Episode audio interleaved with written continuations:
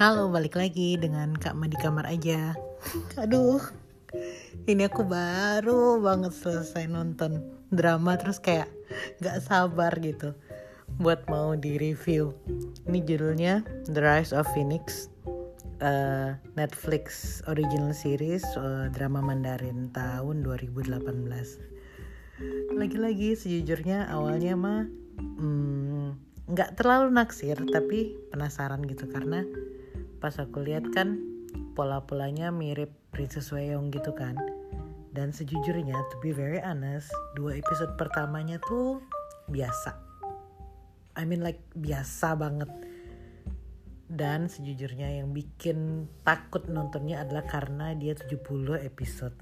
Ini gila bener-bener capek banget. Jadi kalau mau di apa ya simpulkan uh, film ini capek.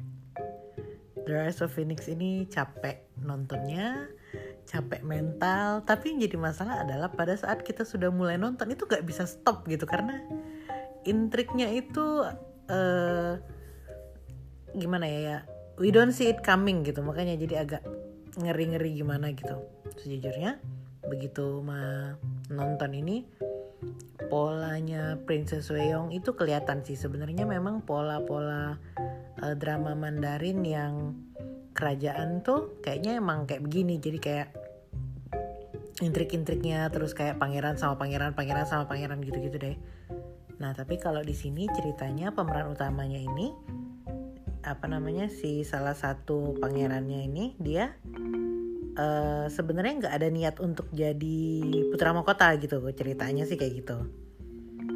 Yang apa namanya yang bikin dia uh, pengen apa namanya ikut nampil gitu bahasanya di panggung uh, kenegaraan itu karena dia punya tujuan untuk balas dendam kakaknya. Jadi kakaknya itu difitnah sama salah satu kakaknya juga yang sekarang jadi putra mahkota gitu. Jadi tujuan dia adalah uh, untuk membalas dendam kakaknya yang meninggal di fitnah gitu. Jadi sebenarnya memang si pemeran utama ini uh, apa namanya Princess Chu.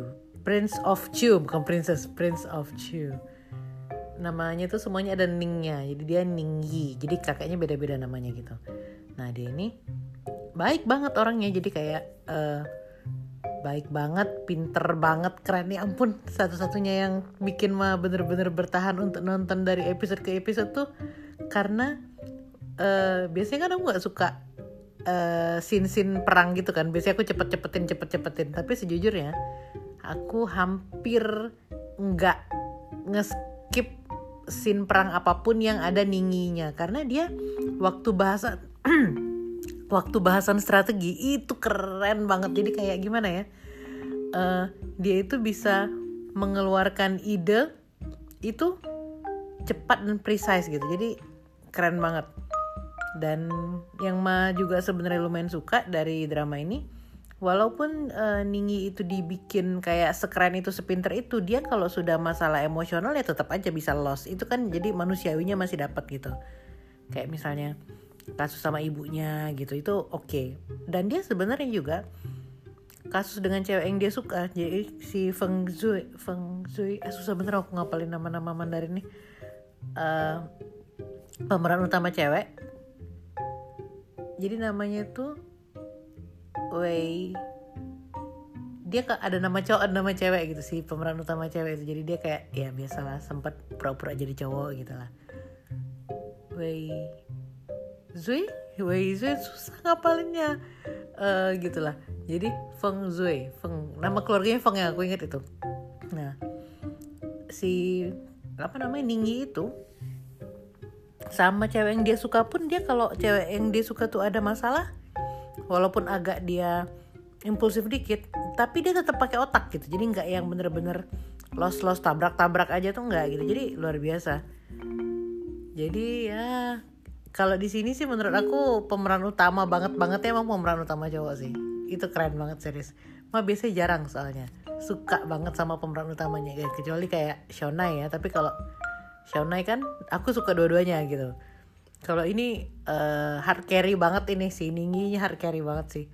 Dia uh, terlihat banget baiknya adilnya berusaha jujurnya. Uh, tapi dia juga fierce gitu jadi uh, dan dia juga pinter. Dia uh, supaya orang-orang nggak tahu kalau dia itu pinter dan punya niat sesuatu dia kayak gayanya tuh kayak apa sih? Bego-bego gimana gitu jadi supaya orang tuh uh, menurunkan pertahanan di depan dia kayak gitulah. Terus dia uh, strateginya tuh efektif itu yang menyenangkan. Ya ampun aku nonton itu tuh menyenangkan banget strateginya efektif gitu. Dan sebenarnya awal-awal sampai tengah sih sudah sampai sampai sampai hampir akhir itu aku sempat ngerasa bahwa uh, Ningi sama Feng Zhui itu sebenarnya compatible dalam hal emosi, dalam hal cara ngomong dan dalam hal otak awalnya. Tapi pas ke ujung-ujung itu kelihatan kalau Ningyi itu lebih apa ya?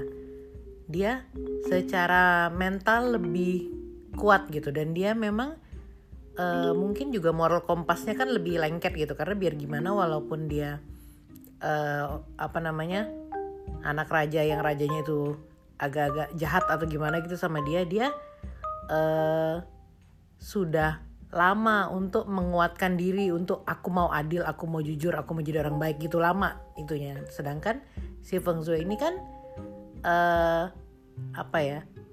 kayak terombang-ambing gitu loh. Wah, emang dia punya masa kecil yang baik maksudnya gitu kan. Dia punya ibu, punya saudara. Cuma uh, kehidupan dia di keluarganya mungkin nggak nggak gimana banget juga atau mungkin dia juga uh, belajarnya mungkin otodidak jadi tidak diajarkan kayak virtue-virtue yang kayak gitu. Dan yang jadi masalah adalah pada saat dia bertemu dengan uh, keluarga barunya dia dan keluarga barunya itu bener-bener berniat gimana caranya ngebikin supaya dia nih nggak suka gitu sama uh, Ningyi. Jadi kayak di apa ya bahasanya tuh? Ya dimanipulasi lah dari beberapa pihak gitu. Dan pihak-pihak yang memanipulasi dia tuh orang-orang yang dia rasa bahwa nggak bakal bohong sama dia gitu. Jadi uh, nambahlah bumbu-bumbunya.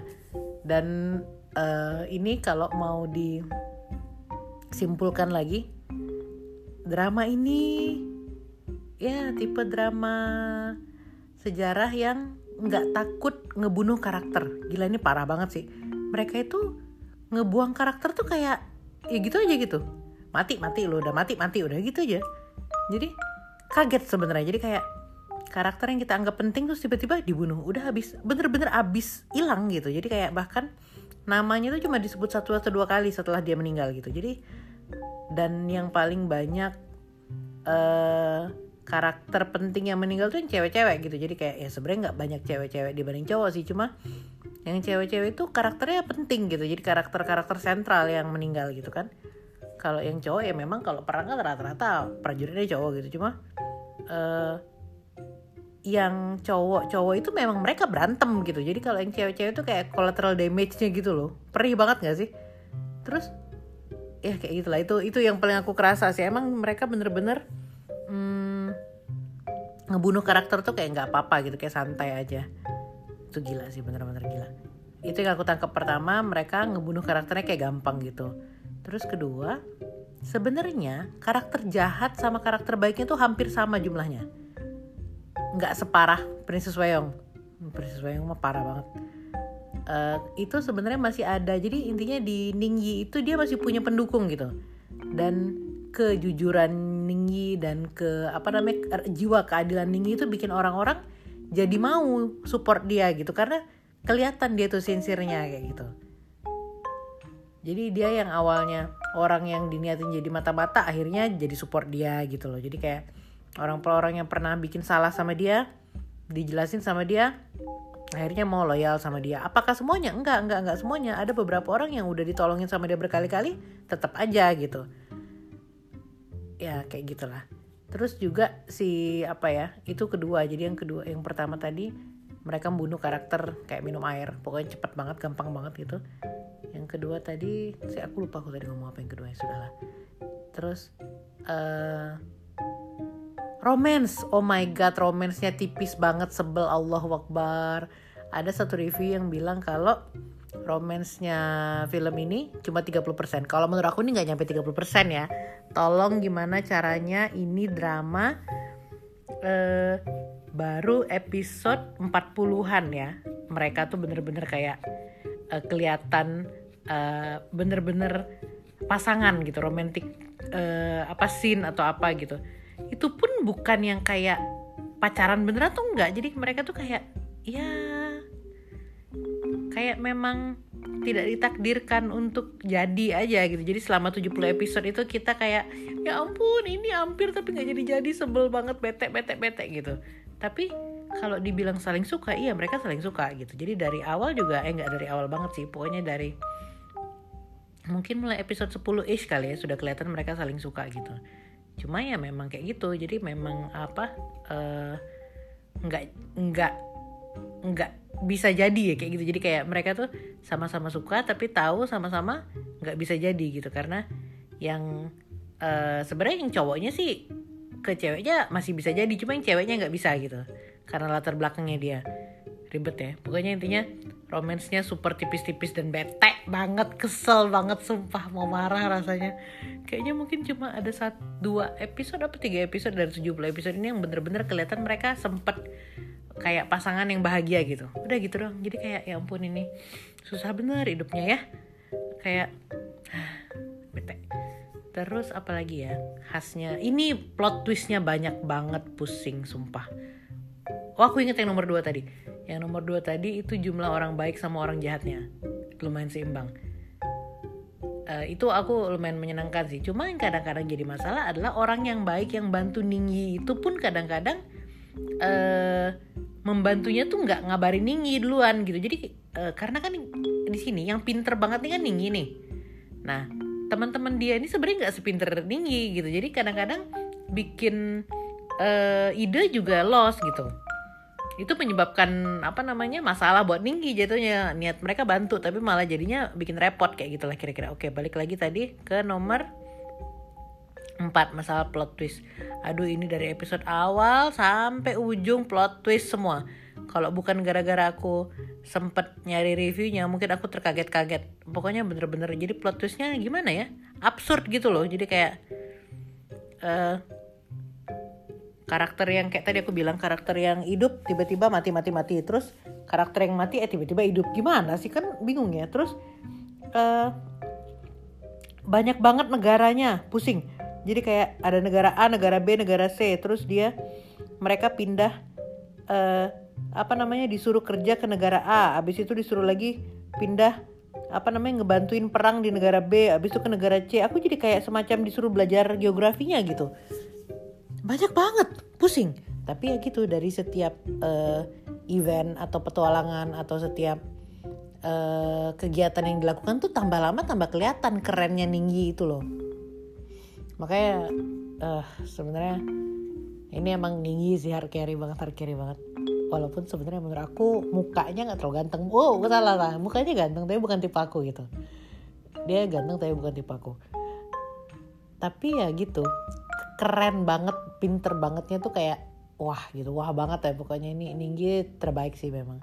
Dan kenyataan kalau dia sangat berusaha untuk uh, apa namanya menjaga uh, apa namanya menjaga nilai yang dia pegang itu luar biasa menurut aku. Jadi kayak sampai uh, Ningyi tuh berusaha banget loh gimana caranya supaya orang-orang yang tidak bersalah tuh nggak uh, kenapa-kenapa gitu nggak dibunuh. Dia berusaha meminimalisir apa namanya korban-korban uh, yang tidak bersalah gitulah cuma ya namanya perang kan. Terus kadang-kadang teman-teman satu apa namanya satu kubunya dia tuh nggak satu value sama dia gitu. Jadi kalau yang lain tuh targetnya adalah supaya Ninggi jadi kaisar Ninggi tuh sebenarnya waktu awal-awal nggak mau jadi kaisar. Dia cuma pengen membalaskan dendam kakaknya. Dia pengen kakaknya yang apa namanya difitnah dan dibunuh itu dibersihkan namanya dan orang yang menghukum dia eh orang yang membunuh dia minta di uh, hukum gitu. Itu itu sebenarnya. Jadi uh, dia tuh nggak yang ngotot mau memanfaatkan orang. Pokoknya dia melakukan segala cara tuh nggak. Tapi di sisi lain yang aku suka juga sebenarnya antara suka nggak suka sih. Dan bukan nggak suka sih. Suka atau uh, kayak mikir gini aku bisa nggak ya? Kayak gitu. Mungkin kayak gitu Ningyi itu bener-bener uh, apa ya entah moral kompas atau apa tapi dia baik dan benar.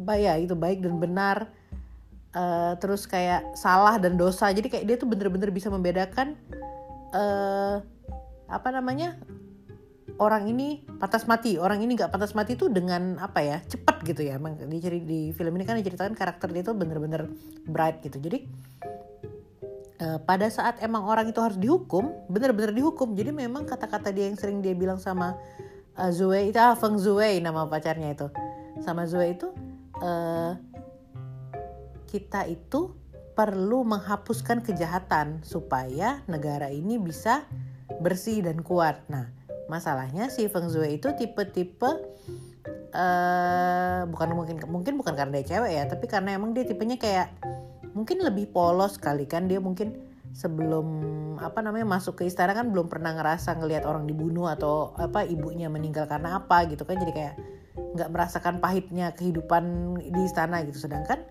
si Ningyi dari umur 8 tahun udah masuk udah ikut perang kayak gitu. Mungkin malah lebih kecil lagi tapi nggak ada di film itu.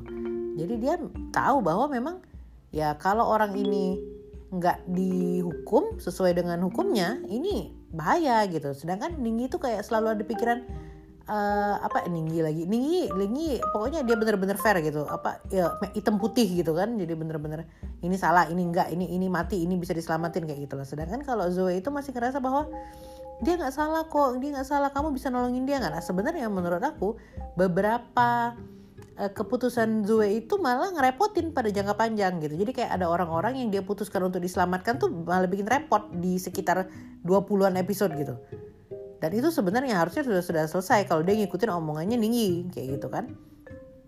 Soalnya accomplish itu ya juga salah gitu kan. Jadi kayak uh, nah itu kayak makanya aku bilang awalnya aku pikir bahwa uh, apa namanya cowoknya sama ceweknya ini selevel gitu. Ternyata kalau sudah lihat enggak enggak enggak enggak Ningyi itu kayak hard carry banget. Jadi Ningyi itu kayak jauh lebih keren gitu. Dan dia wah banget lah gitu. Aduh aku gila sih mantep banget walaupun mereka sebenarnya sebagai pasangan lucu sih karena mereka kayak tipe-tipe pasangannya sama-sama pinter gitu kan dan mereka tipe yang saling menghargai kecerdasan masing-masing gitu. Ya karena memang dua-duanya sama-sama pinter jadi kayak saling kayak berbalas-balasan ide gitu. Itu tuh menyenangkan. Gitu. Terus kayak mereka romantisnya tuh beda gaya jadi kayak bukan romantis yang uh, malu-malu gitu loh. Jadi kayak dia romantisnya yang ya dia suka bilang suka kayak gitu. Terus kayak uh, pas dia masih ragu dia uh, jaga jarak. Tapi pada saat dia sudah yakin dia suka dia maju gitu. Uh, cowoknya gitu ceweknya juga gitu. Jadi sama sebenarnya. Tapi kalau ditanya uh, oh ini sudah uh, kita anggap plot reviewnya udah selesai ya. Jadi uh, apa namanya uh, tentang plot sudah panjang soalnya. Kalau untuk favorite pair ya sebenarnya Zoe sama Ningyi aku suka sih. Tapi sebenarnya aku juga suka uh, pasangan apa namanya yang kepala sekolah itu Sin siapa namanya? Headmaster headmaster Sin ya. Jadi kepala sekolah Sin itu sama istrinya. Memang dia nggak prominent sama sekali sih karakternya terutama karakter istrinya ya. Cuma eh, keakrapan dia sama suaminya gitu terus yang kayak galak-galak pencemburu bawel tapi eh, kelihatan kayak ngurusin banget gitu loh terus cara dia ngomong manggil suaminya tuh Fujin gitu. Oh lucu gitu. Aku suka aku suka. Walaupun sebenarnya agak sedih sih juga sih ke apa namanya kehidupan apa namanya ke rumah tangganya mereka berdua. Tapi aku suka pasangan itu. Ya kalau bukan apa namanya lima, tra, lima menit terakhirnya si Zoe itu memutuskan untuk melakukan hal bodoh mungkin ini sudah indah kali ya endingnya. Tapi sejujurnya ending kayak film ini walaupun tidak memuaskan aku ngerti sih. Jadi maksudnya kayak uh, ending ini nih ending yang masih bisa aku terima. Nggak kayak apa Goodbye My Princess. Aduh Goodbye My Princess tuh ngamuk aku rasanya itu bener-bener. Apa ya aku ngerti sih tujuannya kayak kalau di Goodbye My Princess tuh kan untuk uh, menyelesaikan masalah supaya nggak ada perang lagi dia mengorbankan diri dia kayak gitu nah kalau yang tapi kalau di sana itu bener-bener kayak apa sih uh, uncalled for itu kalau buat aku ya gitu kan. Jadi kayak Uh, tapi kenapa ya? Mungkin alasannya sebenarnya mirip, tapi aku lebih bisa menerima ending di drama ini dibandingkan ending di uh, apa tadi aku bilang drama yang sebelumnya. Dibandingkan di yang Goodbye My Princess.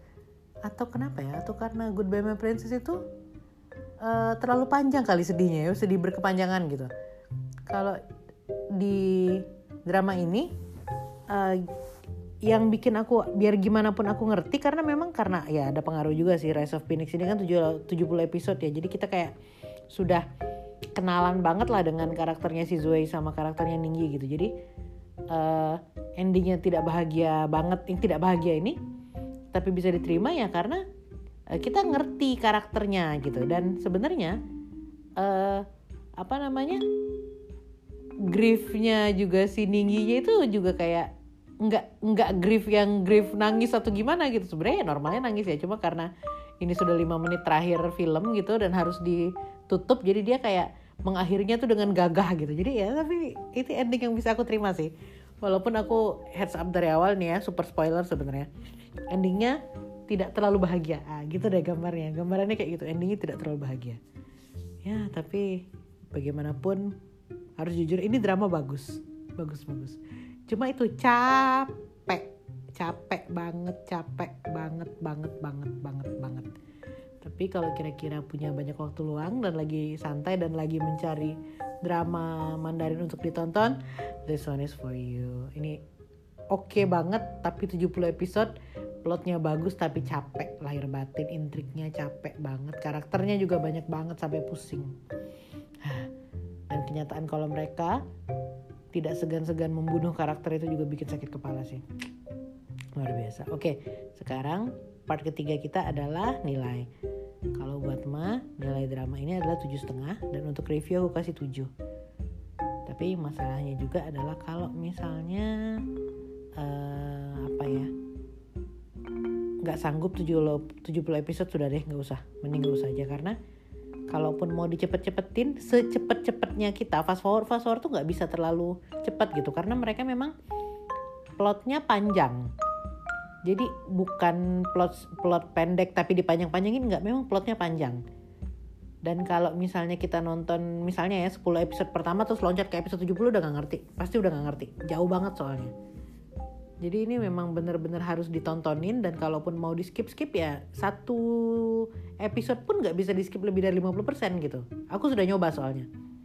Jadi ya kalau ada waktu nonton.